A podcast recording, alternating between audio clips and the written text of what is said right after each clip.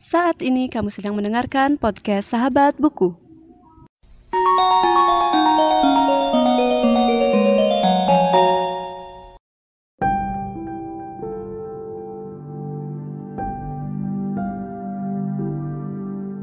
Engkaulah getar pertama yang meruntuhkan gerbang tak berujungku mengenal hidup. Engkaulah tetes embun pertama yang menyesatkan dahagaku dalam cinta tak bermuara. Engkaulah matahari firdausku yang menyinari kata pertama di cakrawala aksara. Kau hadir dengan ketiadaan, sederhana dalam ketidakmengertian.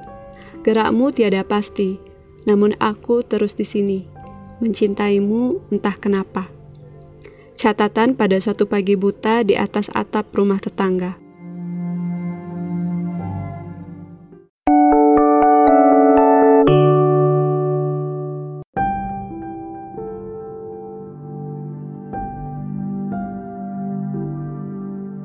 Halo semuanya dan selamat datang kembali di podcast Sahabat Buku. Dan pada episode kali ini aku akan menceritakan satu buku yang bisa dibilang spesial banget karena aku udah nunggu untuk membaca buku ini dari lama dan akhirnya nemu juga yaitu buku Supernova yang keping pertama yaitu Kesatria Putri dan Bintang Jatuh yang ditulis oleh Delestari. Oke, jadi buku ini bergenre fiksi ilmiah yang pertama kali diterbitkan pada tahun 2001. Dan Supernova ini ada enam seri dan ini adalah seri pertamanya. Jadi cerita dalam buku ini diawali oleh dua orang mahasiswa di Amerika Serikat yang bernama Ruben yang bersekolah di John Hopkins School of Medicine dan Dimas yang bersekolah di George Washington University. Jadi kedua orang ini nantinya akan kembali ke Indonesia setelah sekian tahun berkuliah dan akhirnya mereka menjalin satu hubungan di mana uh, kedua orang ini akhirnya nanti uh, pengen membuat satu cerita yang dia beri judul Kesatria Putri dan Bintang Jatuh.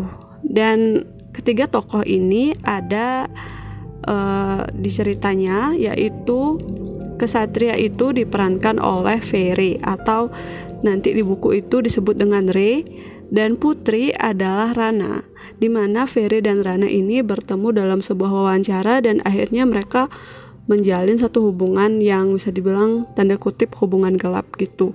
Dan padahal Rana itu memiliki seorang suami yang bernama Arwin.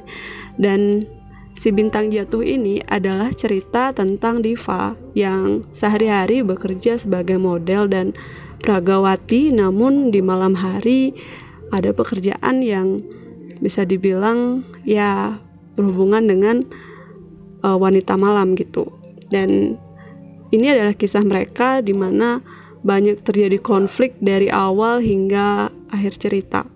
Oke, kita lanjut ke pendapat aku tentang buku ini dan mungkin hal-hal menarik yang bisa kita temukan di buku ini, yaitu yang pertama, aku nggak terlalu terbiasa baca buku fiksi ilmiah jadi mungkin buku ini merupakan salah satu yang pertama gitu. Sehingga waktu aku baca jujur aku menemukan banyak istilah-istilah yang uh, asing walaupun udah ada footnote gitu yang menjelaskan istilahnya tapi tetap aja masih kayak masih agak gimana ya kayak waktu aku baca tuh aku mikir banget ini maksudnya apa gitu. Dan dari awal cerita sampai akhir tuh Jujur dari awal ke pertengahan menurut aku buku ini agak sulit dibaca karena banyak banget istilah yang disebutin dan aku merasa asing dengan istilah-istilahnya. Tapi menurut aku itu nggak mengurangi esensi dari uh, keunikan buku Supernova ini. Karena udah di ending tuh udah mau selesai itu bakal ngerasain ada yang spesial gitu dari buku ini. Dan yang selanjutnya buku ini juga nggak terlalu tebel.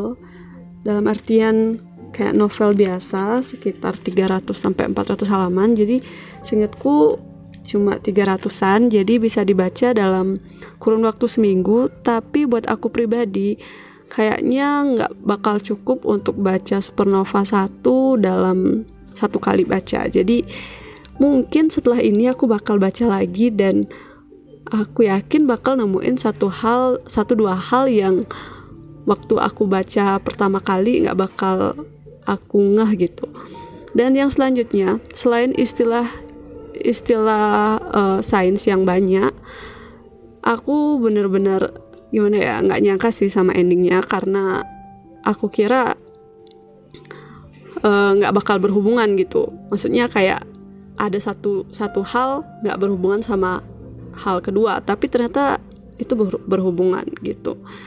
Dan juga aku sebenarnya rada ngefans gitu sih sama si tokoh uh, Diva di mana Diva ini menurut aku merupakan tokoh yang spesial yang menurut aku kayak dikemas dalam penokohan yang gimana ya berbeda lah dibanding dengan bacaan-bacaan yang sebelumnya aku baca gitu.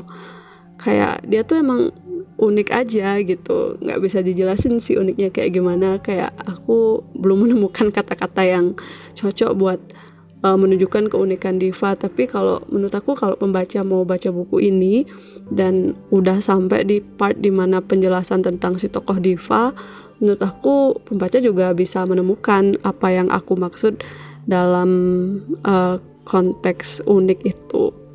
Dan menurut aku pribadi, buku ini bisa dikategorikan dalam bacaan yang cukup berat karena banyak istilah dan juga alurnya itu menurut aku nggak cepet gitu loh.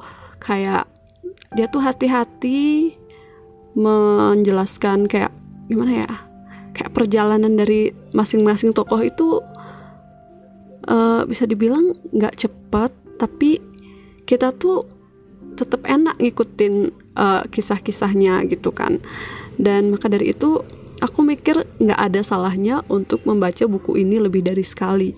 Karena selain juga kita bisa lebih familiar dengan istilah-istilah yang ada di bukunya kita juga bisa gimana ya menemukan hal-hal lain yang mungkin detail-detailnya tuh nggak kita temukan waktu baca pertama kali sama kayak yang aku bilang tadi.